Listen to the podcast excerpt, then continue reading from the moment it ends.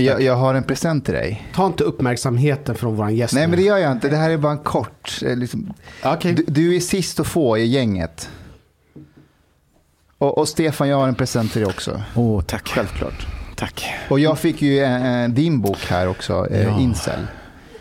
Precis. Mustafa är så jäkla fräck så han kan, han, till och med när vi har en gäst så kan inte han passa på att göra reklam för sin egen bok. Ja, Men det kan han få. Det kan han det, få. det är så vi är, vi Ja. författare. Därför är att förortssnuten har man inte gjort någon reklam alls för i varje avsnitt. Ja, men du, just det, du har ju också, du är ju också med i det här gänget. Alltså eh, Mustafa har ju gått igenom eh, en personlighetsförändring som heter duga. Jag vet inte om ni har pratat om det senare. Alltså senaste eh, intervjun i Söndagsöppet eller vad heter det? söndagsintervjun. Söndagsintervjun. Söndagsöppet. Du, det var 20 år sedan. 25 år sedan. Alltså, alltså personlighetsförändringen hos Mustafa hade ju gått bananas. Han började prata om känslor Jag undrar och... var det kommer ifrån. Ja, nog om det. Men eh, grattis till boken. Tack och, och, och grattis Stefan. Ja. Alltså, Tack. det roliga Stefan med din bok Incel det är att jag är ju med i den.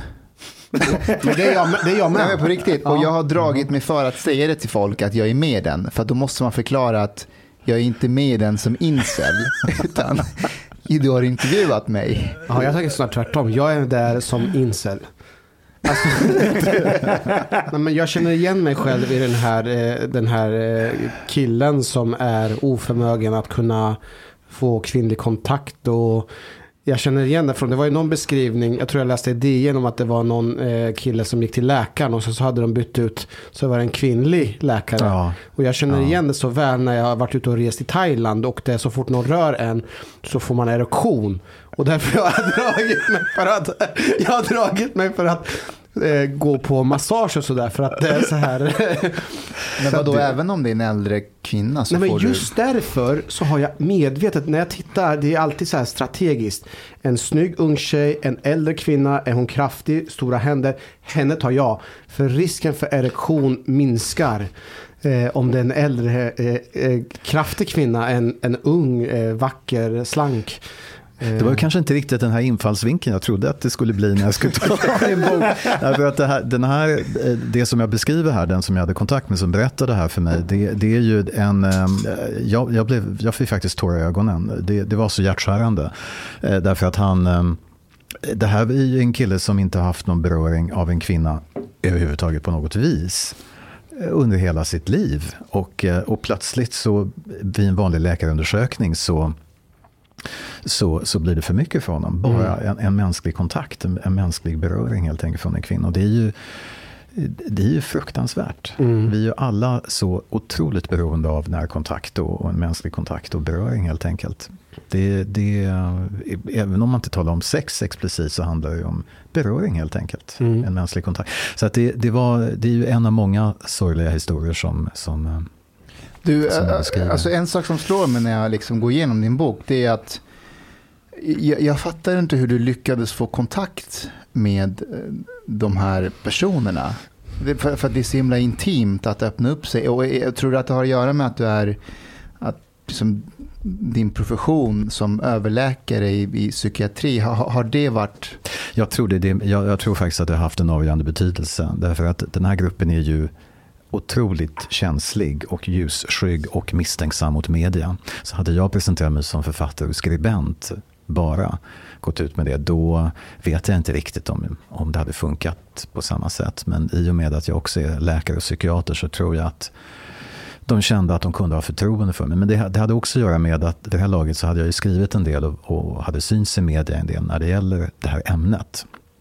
Och väldigt många, väldigt, väldigt många har eh, sagt och skrivit till mig att eh, vi, vi, vi har liksom märkt att eh, du försöker ge en schysst, objektiv bild av oss. Du har inga förutfattade meningar. Du vill verkligen skildra vår verklighet på ett så rättvist sätt som möjligt. Och det, det tror jag också var väldigt, väldigt viktigt. Vad, vad finns det för bild av incels generellt?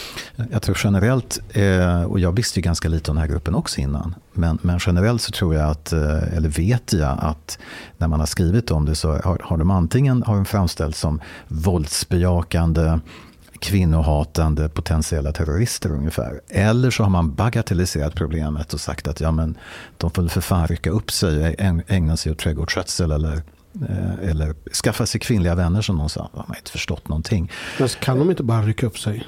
Eh, nej, det, på sätt och vis så, så kan de ju det, borde göra det och ta eget ansvar. Det är, det är ju faktiskt så att man har ett eget ansvar för sitt liv. Men det är svårt när man, man har levt och lever i en total isolering och, och har blivit bortstött och mobbad hela sin uppväxt. Och där omgivningen har stött bort den hela tiden. Man har försökt och försökt och försökt. Och det är ingenting som hjälper överhuvudtaget. Nej, jag tycker delvis det påminner om den här konstellationen. Jag känner mig bortstött av både Mustafa och Chang hänger på ibland. Så att jag förstår känslan. Ja, du kan identifiera dig. Men, men fenomenet, är det någonting, alltså det har väl alltid funnits incels inom bemärkelse. Ja, ja. Så vad, vad är det som skiljer incels idag från? Det, det, är, två, det är två saker som, som har förändrat sig. Två, på, två avgörande punkter. Det ena är att ja, det har alltid funnits män som har blivit över så att säga.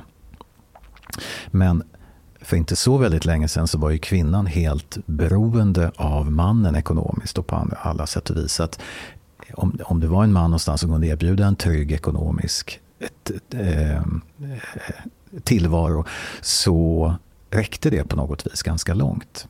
Eh, nu har vi tack och lov kommit till en punkt där kvinnan är totalt självständig och kan leva och eh, arbeta och vara fullständigt oberoende av män. Men det skadar ju männen. Inte nödvändigtvis, nej. Men, men, men, men det är en situation där kvinnan är lika självständig som mannen. Och det andra, den andra faktorn är ju naturligtvis internet. Tidigare var de här männen liksom utspridda och kände inte till varandras existens. Nu kan de samlas, visserligen under anonymitet men, bakom en datorskärm, så att säga, men de kan kommunicera med varandra, de kan stötta, trösta, kommunicera med varandra. Eller som det är ofta, hata och hetsa varandra. Det beror lite på, helt enkelt. Var, var tror du den här bilden kommer ifrån? Att, de är, eh, att alla de är våldsbejakande kvinnohatare? Ja, det finns ju en, verk, en, en dyster verklighet. Det har vi ju sett. Det har förekommit en rad terrorattentat faktiskt bara för några veckor sedan i mm. Plymouth, som ni vet. Berätta mer. Eh, en, ja, det var en incel-relaterad attack. Ja, alltså. absolut. Eh, han...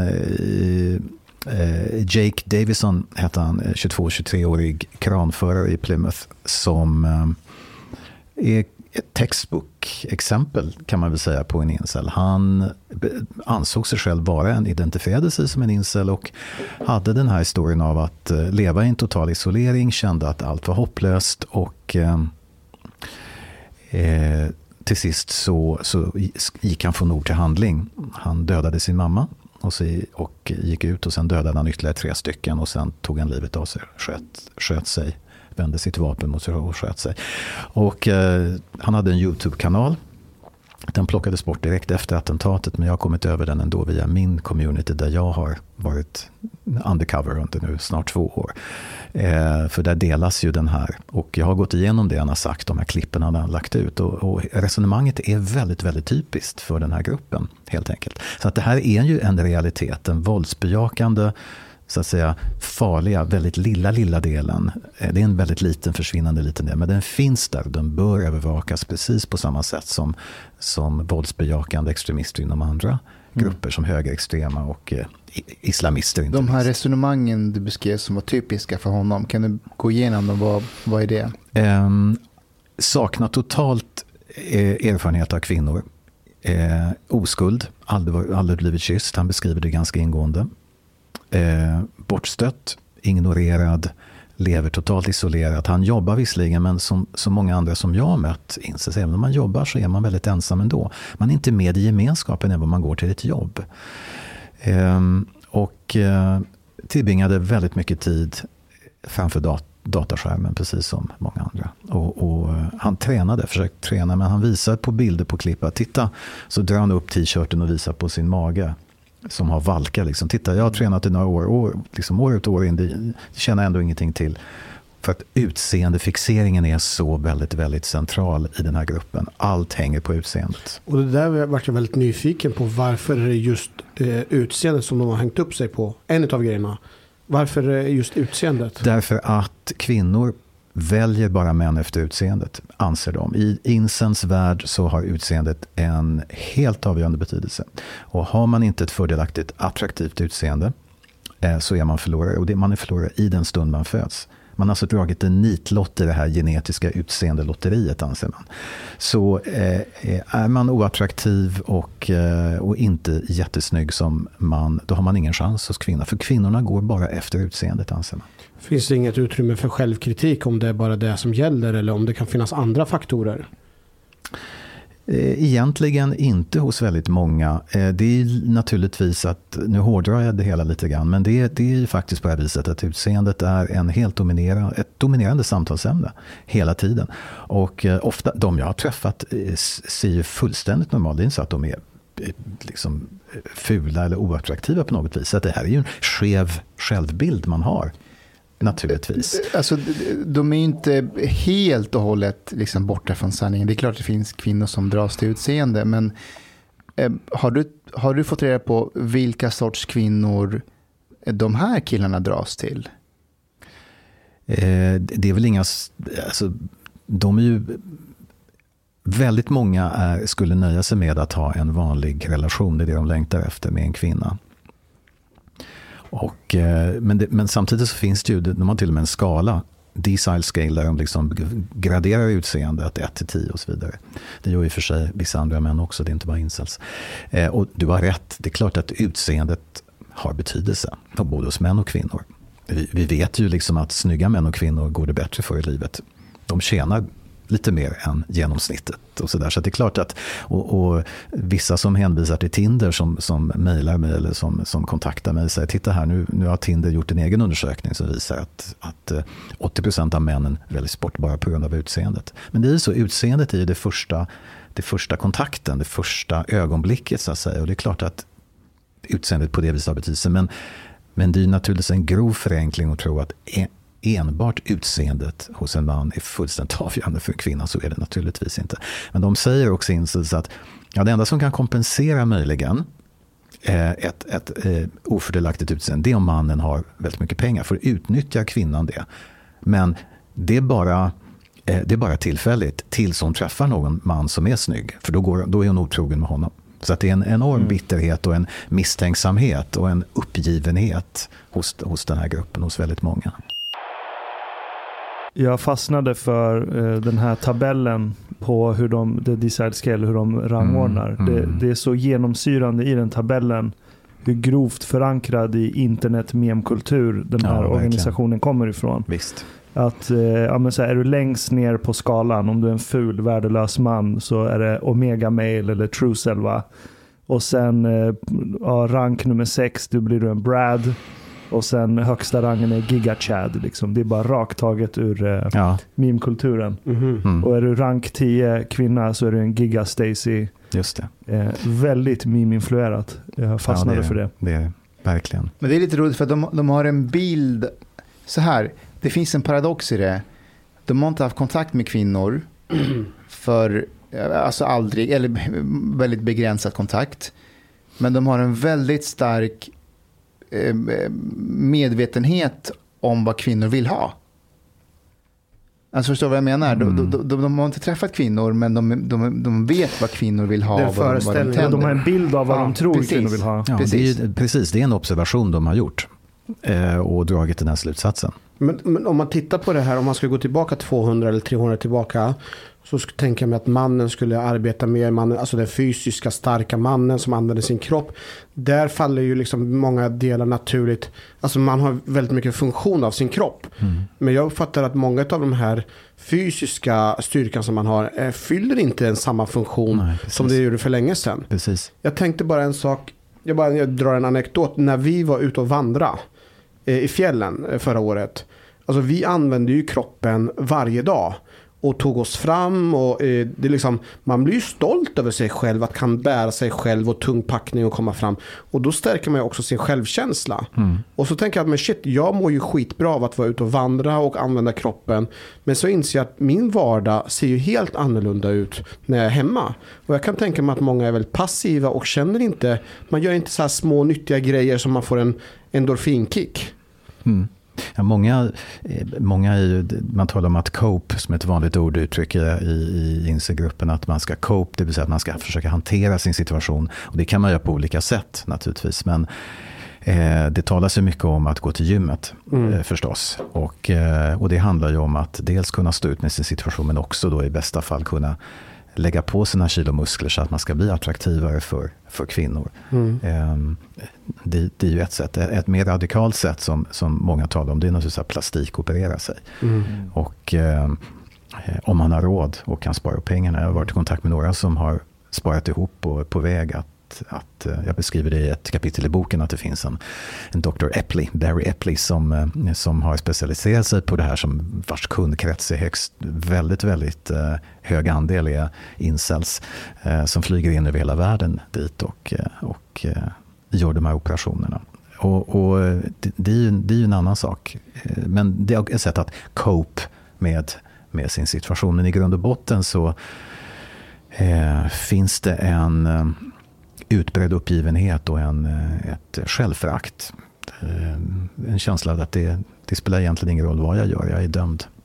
Eh, en sak jag reagerar på det är när jag försökte kolla på demografin mm. som du lägger upp. Och det var ju väldigt tydlig överrepresentation av nordamerikaner och europeer. Mm. Och det är väl, om man så här grovt drar det, det är de minst religiösa samhällena på många sätt. Eh, och jag, jag är nyfiken på om du fick något hum av hur pass religiösa de här var. Eh, om de tillhörde någon sorts denomination som typ kristendom eller islam eller någon så här världsreligion.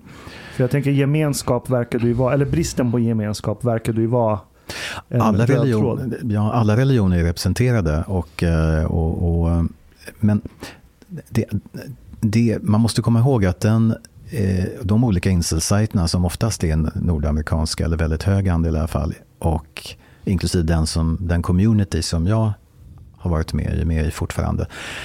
Ehm, den ger ju inte hela bilden. Därför att, som jag också nämner i boken, om vi tittar på Indien och Kina så finns det ett mansöverskott på 70 miljoner. Det här är alltså män som aldrig haft sex och aldrig kommer få det, såvida de inte köper det. Ehm, och de skulle nog inte, de är inte ens bekanta tror jag med uttrycket incel. De skulle knappast beskriva sig som sådana. Men de är ju, lever i ofrivilligt celibat och har inte fått ihop det. Så de kan ju väl passa in i det där också. De är ju, och det är ganska många människor. Men, men det, var, det, var, därför jag fastnade för just religionsaspekten. Ja. För jag, jag, vill, nu bara tänker jag högt här. Men att om du är i Kina till exempel. Då har du eh, en helt annan bild av vad din purpose liksom är här på jorden med ditt liv. Mm. Medan här i alla fall eh, Nordamerika och Europa så är det ju självförverkligandet alla strävar efter. Eh, oavsett vilken religion du påstår dig tillhöra så är det ändå självförverkligandet som står ovanför allt. Eh, och det är ju här vi har en stor andel kvinnor som kan självförverkliga sig nu utan mannen. Mm. Eh, vilket leder till det här över... Vi har inte överskott av män, men vi har ett överskott av män som inte får kvinnlig kontakt i alla fall. Och och liksom tar du självförverkligandet ifrån dem, som väldigt mycket bygger på att du ska få bekräftelse av en sexuell och emotionell partner, så har de ingenting kvar. Medan kineser ändå kanske lever sitt liv för den det kinesiska liksom, nationen och staten och i Indien så har du väl liksom din lokala community och andra Exakt. grejer. De är mindre mm. atomiserade där. Men, men, kinesiska, man måste komma ihåg att i Kina har det hänt väldigt mycket. De har ju haft den här enbarnspolicyn som du vet, som, och, och där, där det finns ett enormt mansöverskott. Och det har ju yttrat sig då, som vi har sett på andra ställen också, i en ökad kriminalitet, gängkriminalitet, eh, prostitution, eh, sexuella övergrepp på kvinnor.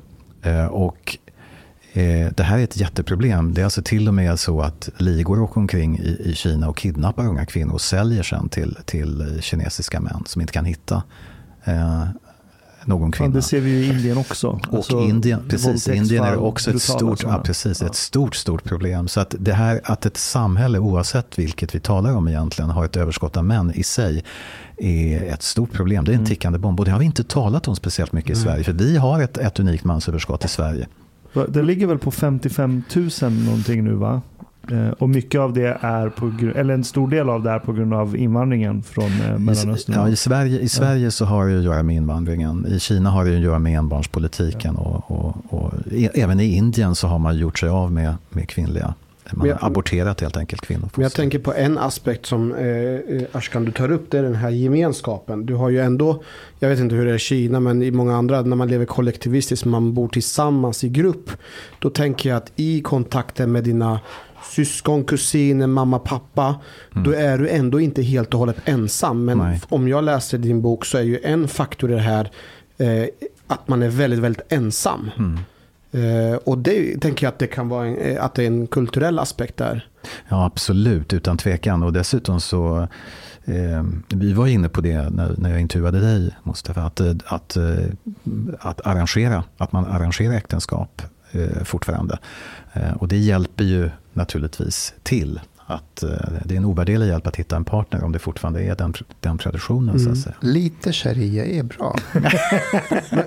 jag, jag, kan bara berätta en, en liten eh, anekdot från en kompis till mig. Eh, hon eh, bor i typ Hammarby sjöstad och hon låg där och sola. Eh, inte topless, topless dock. och sen så kommer det en, en man fram till henne. Och den här mannen egentligen har ett så god självförtroende. Eh, men han är nyanländ. Mm. Eh, och kan inte föra sig i den svenska kontexten. Han går fram och är rätt så bufflig och, eh, och liksom försöker ragga på min vän. Och hon börjar mer eller mindre skratta. Och mina tankar snurrar att den här händelsen är nog inte unik. Det är nog väldigt vanligt att det är många män som har kommit hit har ett givet sätt att tänka hur man ska förhålla sig till kvinnor. Men när man kommer hit och ska försöka interagera med tjejer så blir det den här krocken och då känner man att man inte har så mycket att hämta. Alltså man får inte den bekräftelsen framförallt från tjejer. Och då tänker jag att det måste finnas en stor vakuum där, där det finns massor med sexuell frustration och så kopplat till många unga män som har kommit hit som inte får sin sexuella mm. eh, till, tillgodosett. Mm. Visst.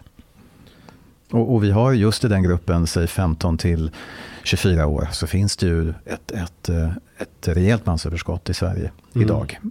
Eh, och, och en, en, del av orsaken är naturligtvis att eh, ja, 2015 kom, hade vi den här flyktingkrisen mm. när väldigt många unga män kom hit. Och det spädde ju på det här naturligtvis. Ja. Jag har faktiskt en lösning på det. Låt oss höra. Jo, nej men det kom ju väldigt många ensamkommande unga män. Det var ju 35 mm. 000 ja. som kom. Och, och visst, eh, en andel av dem har ju lämnat.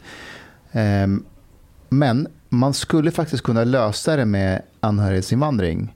Alltså att de åker hem, gifter sig med en partner eller att de tar hit en partner. Um, så har man ju löst um, mansöverskottet. Alltså på riktigt? Ja men det är väl så många gör. Många åker ju till sina hemländer och träffar någon där och tar med sig. För kom ihåg att de här killarna som kom hit, de är här utan föräldrar.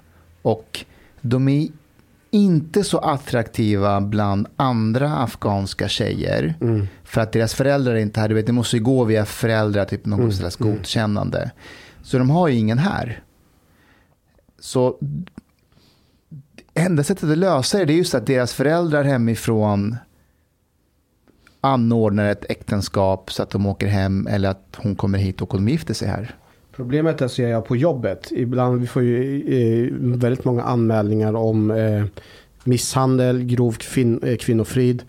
Och när man tittar på de som är framförallt har utländsk bakgrund och där ibland som jag reagerar på, iranier sticker ut där. Mm. Eh, det är många iranier, många killar som slår sina, eh, typ. Eh, så, visar, så, så min uppfattning utifrån min egna horisont är att de killar som de tjejer som, de kvinnor som anmäler det, det är oftast män som har varit ner i Iran och hämtat. Och de är egentligen oftast svin och är inte gentlemän så de slår på de här kvinnorna titt som tätt. Nu säger inte jag att det är representativt för alla iranska män eller någonting. Men jag reagerar på att det är oftast kvinnor som kommer utifrån och är skyddslösa. Och till slut vågar ta hjälp av polisen. Så man kanske kan hämta hem, men frågan är, de måste ändå jobba med sig själva så de har eh, ja. schysst värdegrund. Nej men alltså du har en poäng där, för att om, om du har bott här i Sverige som man länge, ta, om vi tar de här iranierna, mm. och du har inte lyckats hitta en partner som av alla du kan välja på i det här landet. Liksom så säger du en hel del om din karaktär. Det behöver inte göra det, Mm. men förmodligen på grupp, gruppnivå lär du ju kunna se någonting. Mm. Och sen tänker de säkert att ja, men hon är en importfru, liksom. hon vet inte hur Sverige funkar. Så jag kan ju göra lite vad jag vill. Tyvärr. Men det finns också ett annat underliggande problem här som, som jag tar upp i boken som man inte heller talar så mycket om. Det är att eh, det, kvinnorna i, i Sverige håller på att köra om männen eh, socioekonomiskt. Just det. Och, och, och, det vill säga, eh, tittar man på, på betygen idag i grundskolan så går det bättre i alla ämnen för, för tjejer jämfört med killar. Samma sak i gymnasiet. Och, och eh, 16 till 18, kanske 19 procent av alla pojkar saknar gymnasiebehörighet. Mm. Och, eh, eh, och tittar man på de här populära akademiska utbildningarna så är kvinnorna i majoritet i, i princip i alla utbildningar. Alltså jurist, läkare, socionom, sköterska, vad man än väljer egentligen.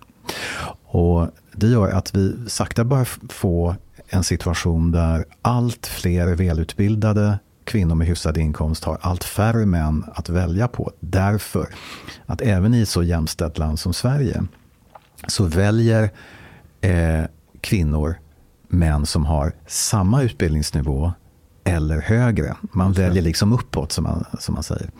Och, och eh, Det här är väldigt intressant. Eh, och, och, Det finns ganska färsk undersökning på Stockholms universitet som, man har, titt, man har, som har tittat på det här. Eh, och, och, Det visar sig att... Eh, Tjena. Hej Chang. Eh, och det visar sig att, att eh, hon, den här forskaren har tittat på kvinnor födda 40-talet till 70-talet. Och tittar man på de yngre kvinnorna i den här gruppen så visar det sig att mm, de, har, de har kunnat tänka sig kompromissa lite grann i val av partner. Så att de har kunnat tänka sig och har också blivit ihop med män som har formellt lägre utbildning. Men tittar man på de här männen Ja. så nästan alla tjänar mer än kvinnorna. Så att intjäningsförmågan är av helt avgörande betydelse uppenbarligen. Och det här har fortsatt årtionde efter årtionde efter årtionde. Det har inte ändrat sig speciellt mycket. Så det är en ganska liksom, djupt förankrad tradition egentligen. Det, det är det som blir intressant med eh, just Sverige också. Den här besattheten vi har av att vi måste vara så progressiva hela tiden. Och missförstå mig inte här nu. Jag, jag tycker det är jävligt grymt att vi har byggt ett land där kvinnor och män har samma möjligheter eh, att kunna bli det de vill bli. Mm. Det är inte det jag kritiserar här. Men att även när du har extremt goda intentioner och gör en viss progressivitet i något område så kan det le- till någonting som har formats över flera hundra år. Mm. Dynamiken mellan man och kvinna tar vi Mm. som exempel. Eh, Så har du så enorm risk för oför, så här, unintended consequences Mm. eh, av att du vill göra gott. Och det blir ju inte lättare när, det tror jag var igår, SVT eh, Nyheter publicerade en artikel så här. Forskning. Eh, eh,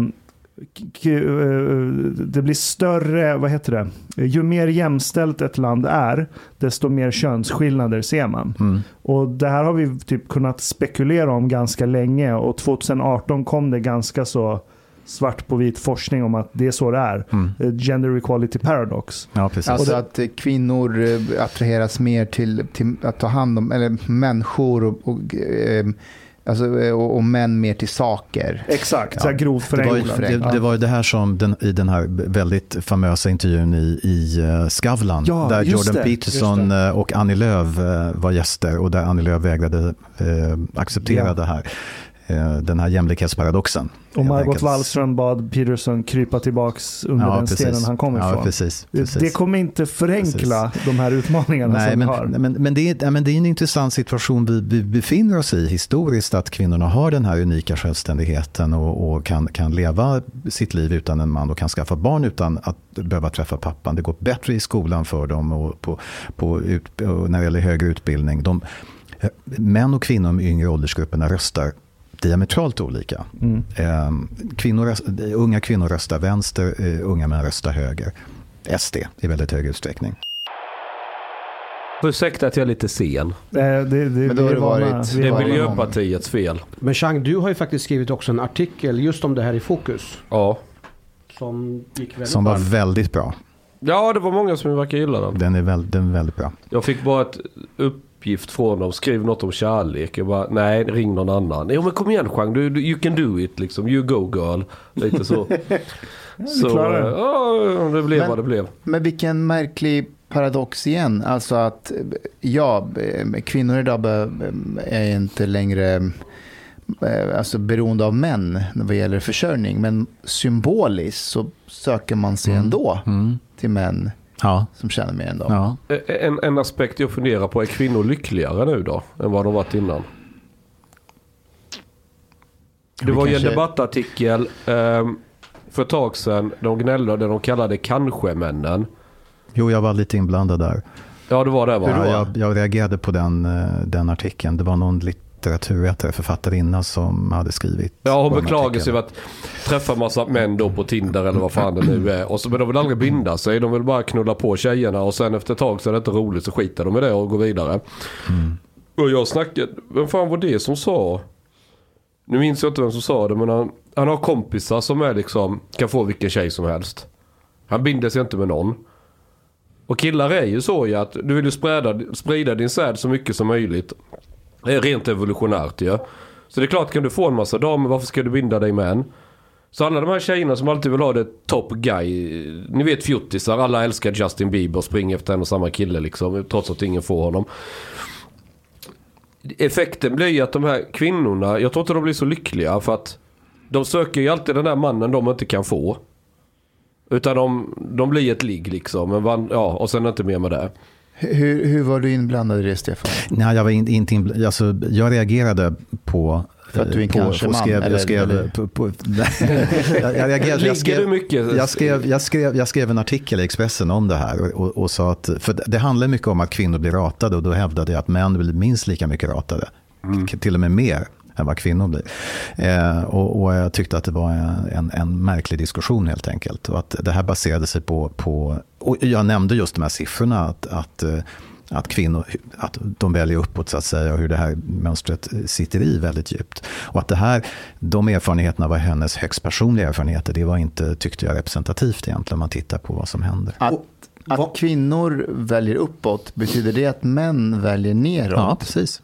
Så har det varit. Så har det varit. Fast är det inte så att männen har ju en förmåga att kunna välja lika, men också neråt, medan kvinnorna har en oförmåga att kunna välja neråt? Ja, det har varit så. Det, det, det är bara att titta på statistiken och på fakta. Det, det har varit så. Och eh, det har hållit i sig det här mönstret hela tiden. Och sen, då kan man fråga sig vad som kommer hända nu. Därför att det är sådana förändringar sen årtionden. Det har gått ganska snabbt det här egentligen. Vad kommer hända i framtiden? Det är det jag ställer mig. Den frågan ställer mig bland annat i boken. Vilket samhälle går vi mot? Jag tänk, bland annat så, på ett privat plan så undrar jag också. Eh, vad händer nu när historiskt sett är en unik situation där kvinnan är väldigt självständig, ekonomiskt oberoende och så vidare med tilltagande makt. Det, det är inte så att de välutbildade kvinnorna som är i majoritet, att det avspeglar sig Eh, så väldigt, väldigt mycket på arbetsmarknaden. Det är fortfarande så att börsnoterade företag har 80-90% män som direktörer och så vidare. Det är inte så jag menar. Men vi ser ju den här utvecklingen väldigt tydligt. Kan man då förvänta sig att datingmönstret då sättet att närma sig det motsatta könet, att det också förändrar sig i takt med att den ekonomiska makten mer och mer hamnar hos kvinnor. Men bor inte många, väljer inte många tjejer att vara, eh, leva ensamma, eh, köra IVF? Jag har flera kompisar på senaste Så du tiden. köra, Köra. aha, IVF? IVF. Vad är det? In vitro-fertilisering. Ja, alltså att man kör att man blir, man får... Ja, men så är det. Så ja, är alltså det. jag har flera kompisar. Av, av assisterad befruktning, det finns en siffra som den boken, så är ungefär 40 procent eh, lever ensamma som har eh, velat få en assist, så kallad assisterad befruktning. Men är de människorna lyckliga som lever ensamma? De är i vart fall inte miss, vad heter det, olyckliga av att de, var- att de är, vad heter det, att inte ha, de har barn. De skulle ju självklart vilja ha familj och barn, men när inte det går så är de, i vart fall har de, eh, De har det- barn. de- Men det, har det är väl bara att ringa Omar så löser han det. Ja, då skulle jag kunna göra. Jag, jag är faktiskt orolig för den utvecklingen för att jag tror inte det är bra för ett barn. Nu säger jag inte att det är så för alla de som gör eh, in vitro befrukt, eh, fertilisering.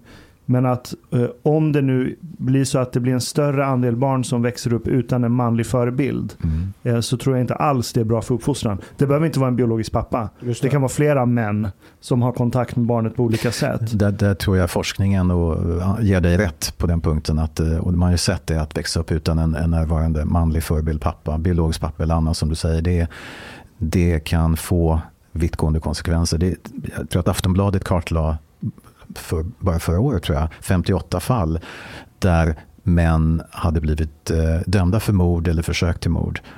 Eh, eller mordförsök och där eh, kanske två tredjedelar var, levde utan en pappa. Mm. Men vet vi om det finns ett kausalt samband eller om det bara är korrelation?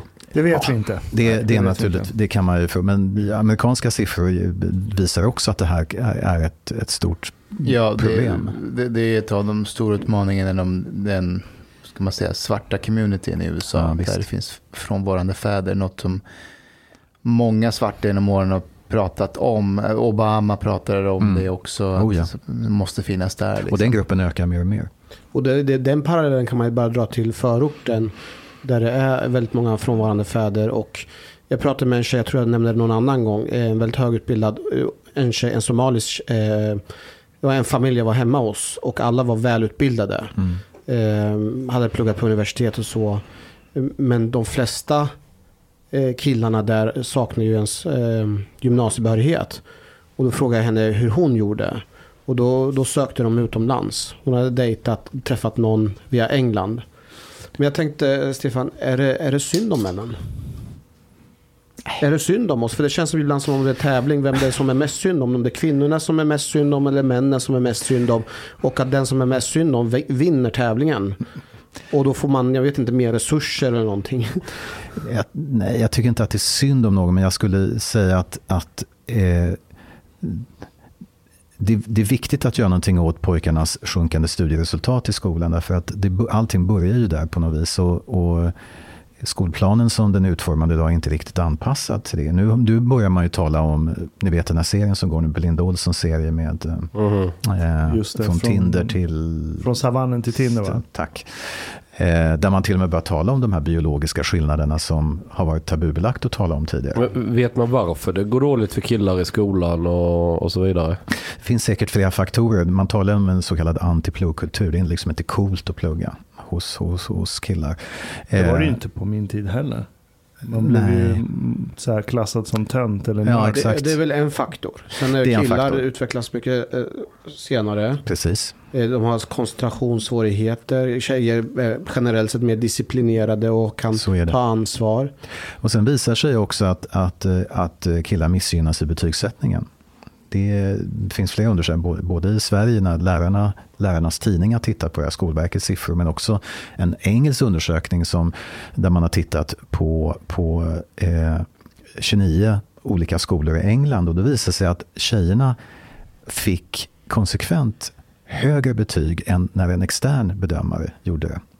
Medan killarna fick samma betyg oavsett om det var en extern eller en, den ordinarie så att säga. Men är inte tjejer väl lite mer likeable? De är lite mer inställsamma eller noga med att... Ja, de är, de är mera, precis som du säger, eh, Hanne, de är mer disciplinerade och eh, sköter sig bättre. Killar är lite mer, och det har ju också att göra med de bi- biologiska skillnaderna. Killar är ju fan grisar i den åldern. Ja. Hur många är det fortfarande när de är 30-35? Ja, Men de pratar fan städa sitt hem. Det pratas ju också om att liksom Varför hela, snackar du skit om mig nu Ashkan? Men du städar inte ditt hem. Det, det pratas ju också även om att hela skolsystemet och skolan, att man går till skolan, den är konstruerad som eh, passar mer kvinnor Mm. på helhet. Medan eh, killar skulle behöva ha en helt annan typ av undervisningsform. Så det är många faktorer, men Mikael, rektor Mikael påpekar ändå att det är, de här könsrollerna och förväntningarna på pojkar och flickor är väldigt olika och det speglar också. Mm. Att eh, tjejer förväntas att de ska vara skötsamma och duktiga. De ska Precis. ta mer ansvar och det är mer stigmatiserande om tjejer är högljudda, stökiga jämfört med killar. Här. Man har Mm. lägre förväntning på pojkar. Pojkar, pojkar, så är det. Så det är Jag märker en röd tråd här under vår diskussion. Det är att de som är ansvariga för incels och mansöverskott det är ju kvinnor. Allting är kvinnornas fel. Ja men allvarligt. Varför det? Därför att de väljer män som är högre än dem vad gäller utbildning och socioekonomi. de sköter sig bättre i skolan. Nej, Men jag, jag, har, jag har en feministisk lösning på detta. Kvotering. Om partners. staten går in och kvoterar, ja precis. Säg alla de här singelkvinnorna som klagar på kanske men då kan staten kliva in och kvotera en SD-väljande hippie från eh, Laxå. Som Det där, Jordan B. Peterson var inne på det, han kallar det för forced monogamy. Men det- han det här han är fick ju- en massor med skit för det. Alltså han menade att han är precis inne på det du säger, alltså att man i princip tvingar män att hålla sig till en kvinna och kvinnor till. Ja, ja, men också att, att eh, de här kvinnorna då som är så olyckliga hittar ingen kar. Jag ska hitta karar till dem, inga problem. Jag kan inte garantera att de Men- kommer men- gilla men sin problem- nya karl. Men... Problemet är ju inte att de inte hittar en karl. De hittar inte en karl som eh, de kan använda för att boosta sin egen status i sin sociala krets.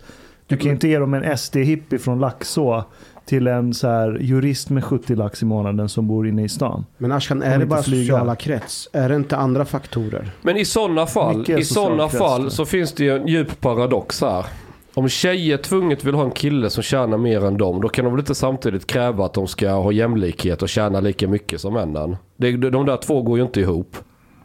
Antingen vill de att vi har det traditionella, där mannen tjänar mer och högre status än kvinnan. Så då, och då kan de ju hitta någon att para sig med. Men vill de ha det här jämställda feministiska samhället, då kommer det inte finnas några män för dem som funkar. Det här, är- du är inne på en ganska känslig fråga nu, därför att eh, det intressanta... ja, men du är det, därför att, därför att handen på hjärtat, det är ju så här att det råder en viss förvirring idag, speciellt den har ju förstärkts efter metoo. Så När jag har intervjuat, alla finns inte med i boken, men när jag har intervjuat uttalade feminister och debattörer så eh, säger de själva att det är, det är synd om männen. Därför att vi, kräver, vi kvinnor kräver allt på en gång. Eh, man, det finns en, en eh, sexolog, psykolog, Linn Hed, som jag intervjuar, eh, som är känd debattör. Hon, hon, hon beskriver att mannen nu för den ska vara som en schweizerkniv. Det ska finnas en funktion för precis allting. Han ska å ena sidan gråta vid, eh, på fredagskvällen över teet. På rätt och, vi- sätt. och vi, på rätt sätt. Och visa sina känslor. rätt tidpunkt. Ja, och visa sina känslor. Man ska samtidigt vara macho på, på, på ett liksom man, vara en riktig man. Han ska liksom ha en fin bil, men den ska vara miljövänlig och så vidare. Så att det, det är på något vis en, det, det är en omöjlig, tycker hon, en omöjlig situation. Och hon ger faktiskt kvinnorna skulden för att det har blivit på det här viset väldigt mycket och att metoo-rörelsen faktiskt har ställt till det. Ja, men jag skulle nog säga att det, jag skulle nog skälla en del på männen med. Därför att en kvinna vet inte vad hon vill. Punkt. Om hon får sätta upp en lista på vad hon vill ha så finns det, är det den omöjliga mannen som aldrig har existerat. Det är bara någon naiv jävla drömgrej som finns möjligen i någon Disney-film någonstans. Sen är det också så här. När många kvinnor får en pojkvän så kommer hon nudga honom, Fäll ner toalocket, ändra klädstil, gör så, gör så, ändra om honom som hon vill ha, du vet så här. Och när hon till slut har lyckats så skapar den här könlösa jävla konstiga varelsen som dricker kaffe latte på Södermalm och... Då är de inte attraherade längre. Nej, då vill de inte ha dem längre. Nej, då vill de inte ha. Då vill de ha chang. Nej, men, och, och jag skämtar inte. Jag, skämt, jag har berättat innan att eh, eh, jag har haft panikångest och skit ju. Gick jag till någon jävla kurator eller vad fan det var på vårdcentralen och snackade då liksom. Jag löste det med testo sen, det blev ju mycket bättre. Men jag var där och snackade då och så var det en tjej, svensk tjej, vad kan hon vara, 35 eller i min ålder. En ganska snygg på men det, var- det var inte därför jag var där. Eh, och hon sa till mig exakt detta. Vet du hur många killar som kommer hit? Som har panikångest, jättejobbigt, dåliga nerver och behöver prata och, och allting. Jaha, varför då? Ja, men det är förhållanden med tjejerna och sånt då ja. Och så sa hon just det att tjejerna försöker ändra dem och ändra dem och sen vill de inte ha killarna när de har ändrat dem färdigt. Det är det absolut vanligaste att killar mår dåligt och kommer då och snackar med henne. Så det är liksom inte någonting jag drar ur rasslet utan Försök, har, har, hon har, sa själv att det är jättekänsligt att prata om för har, har Paulina ändrat dig på något sätt? inte ett skit. Eh, Jag ringde ju Chang för att påminna honom att vi skulle spela in. För det gör jag varje gång vi spelar in. Där- Därför han är alltid sen. Men då, då, då, då sa han så här till Paulina att I have to go to the pod. kan du hämta Ja, men det har barnen? hänt flera gånger så här, klockan är halv tolv, jag snackar videosamtal med honom. Så han bara, Paulina, um, I have to go to the garage. Och så bara går han. Så här, halv tolv, barnen är vakna. Homer, Homer Simpson. Men, men det som var fint fint var att, att, att hon skrattade väldigt hjärtligt med dig över att du är som du är. Ja, hon har Det var väldigt sig. fint. Det var väldigt Ja, fint. jo, jo, men det vi, vi vet. Det här är kanske är kritik som inte får sägas helt högt, men det har ju skett en massa förändringar och smek, smek, smeknamnet Toffel har förekommit mer än en och två Har gånger. ni kallat mig för det bakom min rygg? Jag säger bara, att, jag säger bara att Toffel, eh, namnet Toffel har eh, repeterats flera gånger. Ehm, så eh, vad har du att säga Mustafa? Du, eh, jag ska faktiskt säga att eh, hon har varit på med att jag ska umgås mer med er. Hon har sagt jag vill inte så det är komma hon in. som bestämmer? Du, det där är inte bra. Det där- Nej, det för där- det där är hon säger till dig. Det där betyder att du umgås för mycket med mig. Ja, Ja men lite så. Nej, men, eh, hon, har, nej, men hon har faktiskt varit på med att så här, eh, vara mer med dem. Och, Du, slu, du har slutat komma- att höra av dig till dina vänner.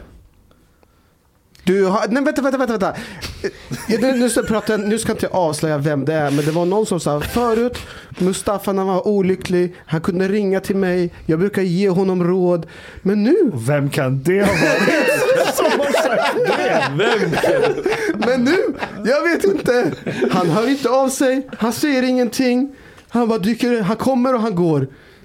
Vi, har slutat umgås. Ja, men, eh, Okej, jag, jag håller med om att det har varit lite för intensivt. Eh, eh, de här Och vem är det som har ansvaret? Är det Ida eller du? Nej, vem det, är jag, det är jag som har ansvaret. Ja, det är jag och- som har ansvaret. Och vad, vad, är, vad är förklaringen? Varför är det så?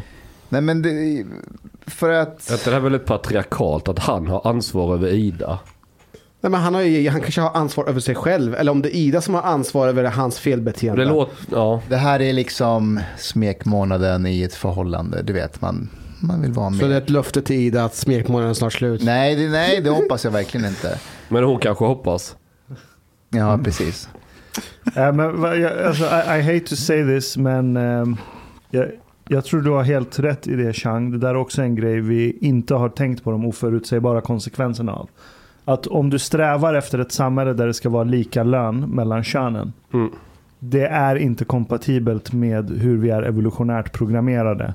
Att vi söker oss till, det är en diskrepans i vilken status man söker sig till. Ja, då får man ställa sig frågan. eh, Alla de här feministtjejerna, eller de som verkligen pratar mycket om jämlikhet. De borde föregå med gott exempel och dejta killar som har lägre social status än de själva i sådana fall. För att det ska hänga ihop. Och, De mest högljudda mediala feministerna är ihop med miljonärer typ. Så Mm. ja. bullshit. Eh, Jag funderar på Ja. en sak. Krakowski, är det polskt? Det är polskt. Mycket polskt. Pratar du polska? Ja. Det är den värsta, eh, vad heter det, grammatiken som någonsin finns så är det polska. Är det inte att man alla efternamn har en man och kvinna-version? Alltså Ja. du, just på ryska lägger du till A på slutet Ja, om men det är samma. Det är, samma Ja, Är, du också. född i Polen? Nej, nej. Jag är född och uppvuxen i Stockholm. Ja, du är det? Ja. Men du lärde dig polska? Ja, passivt. För mina föräldrar pratar ju polska. Så, Dobre, då, dobre. så att då växte jag upp med det. Eh, och så. Men eh, för jag, jag brukar se en viss skillnad i svensk kultur, datingkultur eller hur man ser på det där jämfört med den slaviska eller östblocket eller vad man ska säga. Nu, nu är Polen någonstans mitt emellan för att det håller på att anpassa mycket mot väst eller har Mm. gjort de senaste Oh, ja. 20 åren. Mm. Oerhört mycket. Men när jag åker till Ukraina eller Ryssland eller Vitryssland och jag träffar människor från de här länderna då är det väldigt de här stereotypa könsrollerna. En kvinna är fan en kvinna. Hon sminkar sig, klär upp sig, gör sig vacker. Karen ska vara liksom Homer Simpson i kvadrat. Eller ja, kille liksom och allt vad det innebär. Och det är okej, det förväntas av dig. Det är liksom...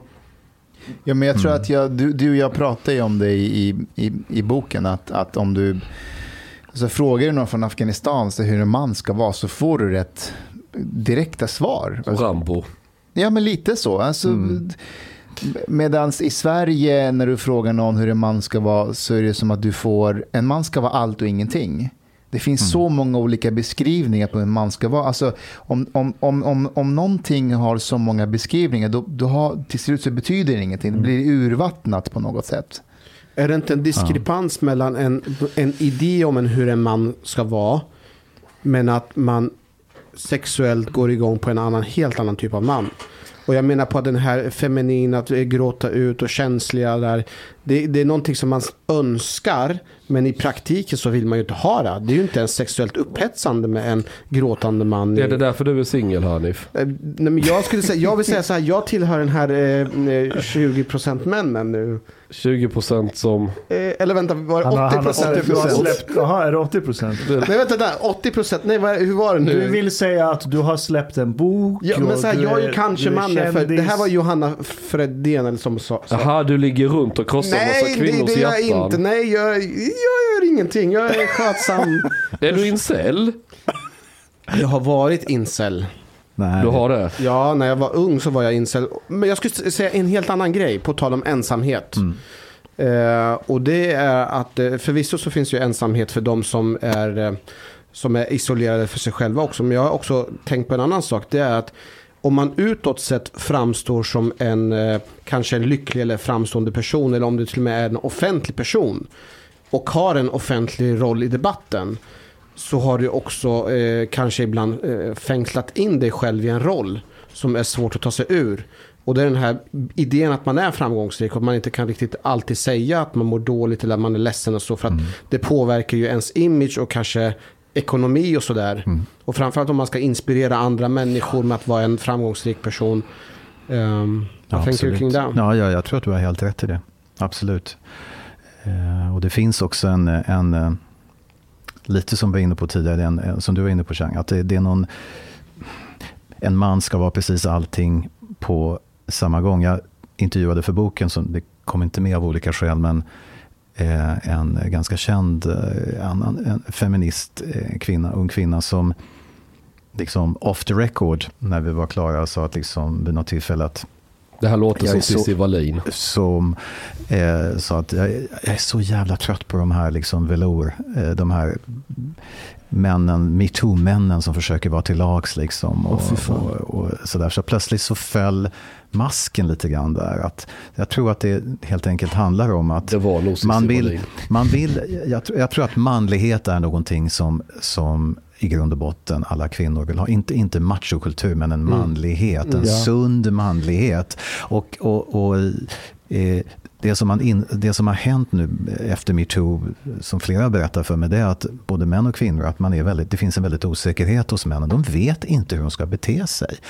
Och, och, och jag tror att det här är, är jättefarligt, därför att eh, om, om vi dessutom är på väg att utplåna, på något vis försöka utplåna könsskillnader och pojke och flicka och så vidare. Att till och med regeringen kommer med propositioner där man ska undvika att säga pojke och flicka på förskola och, och, och skolor utan ska tala om elever eller Könsbärare. eh, så, så vidare. Så tror jag, jag tror inte, jag, jag, är inte så, alltså det är inte, jag, jag säger inte att det här är, är på något vis är så destruktivt så att, så att det kommer bli katastrofala konsekvenser. Men det kommer inte, bidrar inte heller till en sorts eh, säkerhet. Men det är små saker här och där. Det är liksom lite på förskolan att eh, nej men nu ska alla killarna ha rosa kjolar på sig och så ska de alla Mm. låtsas att det är jättetrevligt. Och så på Instagram skriver man hen har svarat på ditt meddelande. Står det, det, Det var så här eller hon. 30-talet började faktiskt.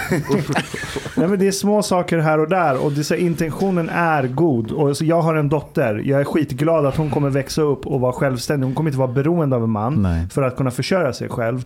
Men det är väldigt naivt att tro att kulturella mönster, oavsett hur bra eller dåliga de är, vart man nu står moraliskt, oavsett hur bra eller dåliga de är, om det har tagit flera hundra år för dem att formas, Mm. börjar du rucka på dem så kommer det ske enormt många oförutsägbara konsekvenser. Ja, jag är inne på det, för det, jag tycker det här är så spännande därför att är det så att ett mönster mellan människor som jag var inne på tidigare, kom, kommer det att förändra sig i och med att kvinnor kommer få mer och mer ekonomisk och som det ser ut politisk makt? Kommer det att bli, jag beskriver, det finns några pers- väldigt personliga delar i den här boken, jag beskriver att jag var med på en fest där eh, det var liksom bord med sex personer vid varje, var kanske 200 inbjudna. Och, eh, eh, och det var tre män och tre kvinnor vid varje bord. Och, och där en kvinna vid bordet eh, började eh, uppvakta mig liksom, eh, på ett ganska hårdhänt sätt. Eh, och, och, och, och det, det, det tog liksom inte lång tid innan hon sa att hon eh, att hon vill ligga med mig. Hon sa det. vilken fest var det här? Kan inte du... det hände mycket på den här festen.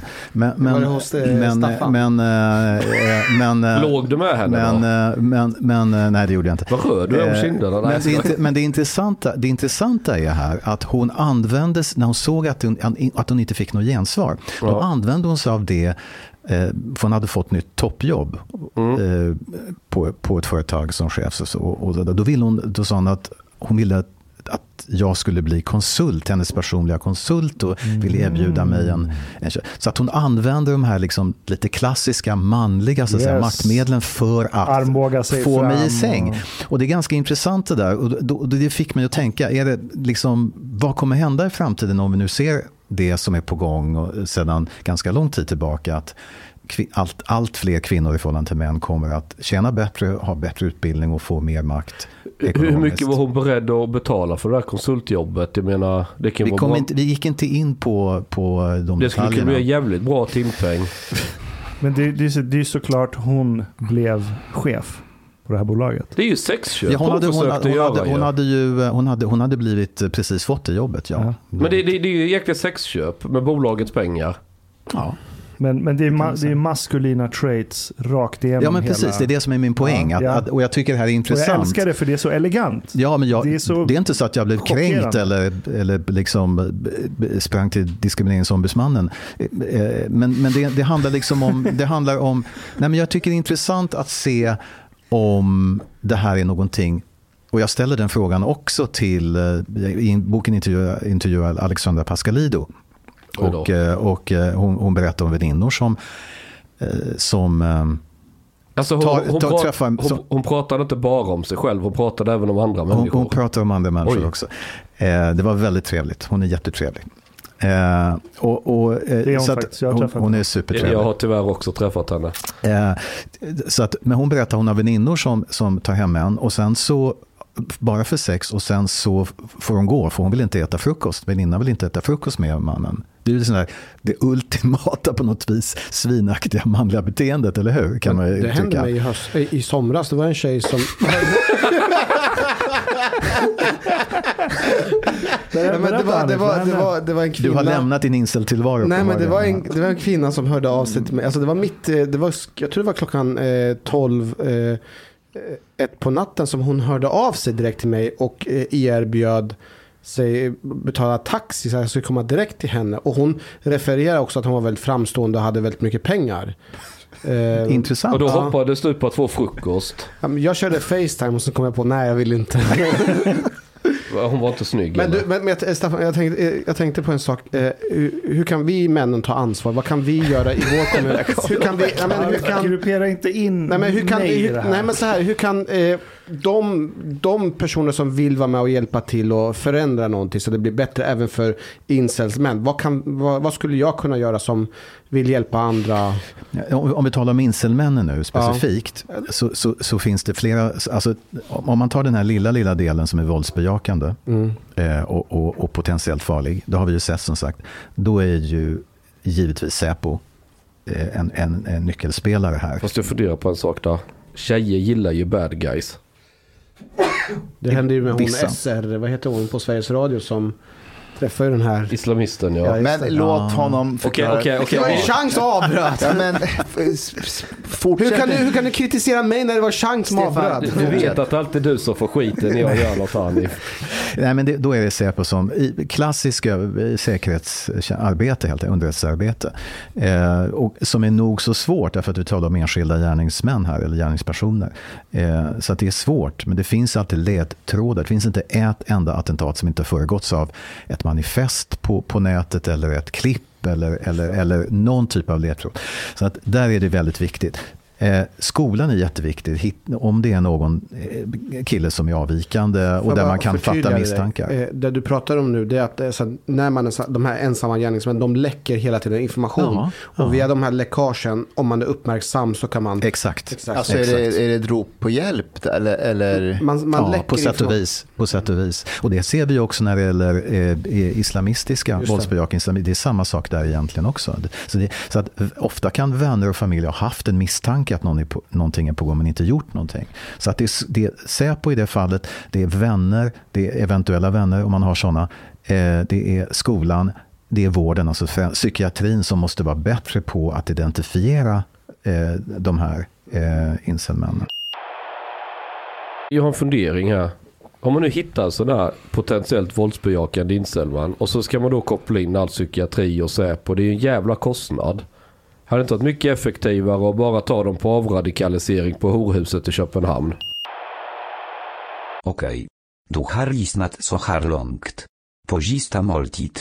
En mycket fin radioprogram i Sverige. Du tycker det är mycket trevligt. Men, min vän, lyssna på mig nu. Du har inte betalat biljett på klubbzista måltid. De har blate grabarna dom behöver pengar. Flis. Lax. Stolar. Dirabilar. Lix hotel. Du vet. Måste du betala om du ska lyssna mer. Du forman gaflera avsnitt också. Pakieter biudande, helt enkelt. Les i beskrivning för avsnitt, där det finns information för att bli medlem på klubzista måltid. Det kostar som en mycket liten kafe late ute på torget. Per månad. Lätt som en plätt. Tak, min vän.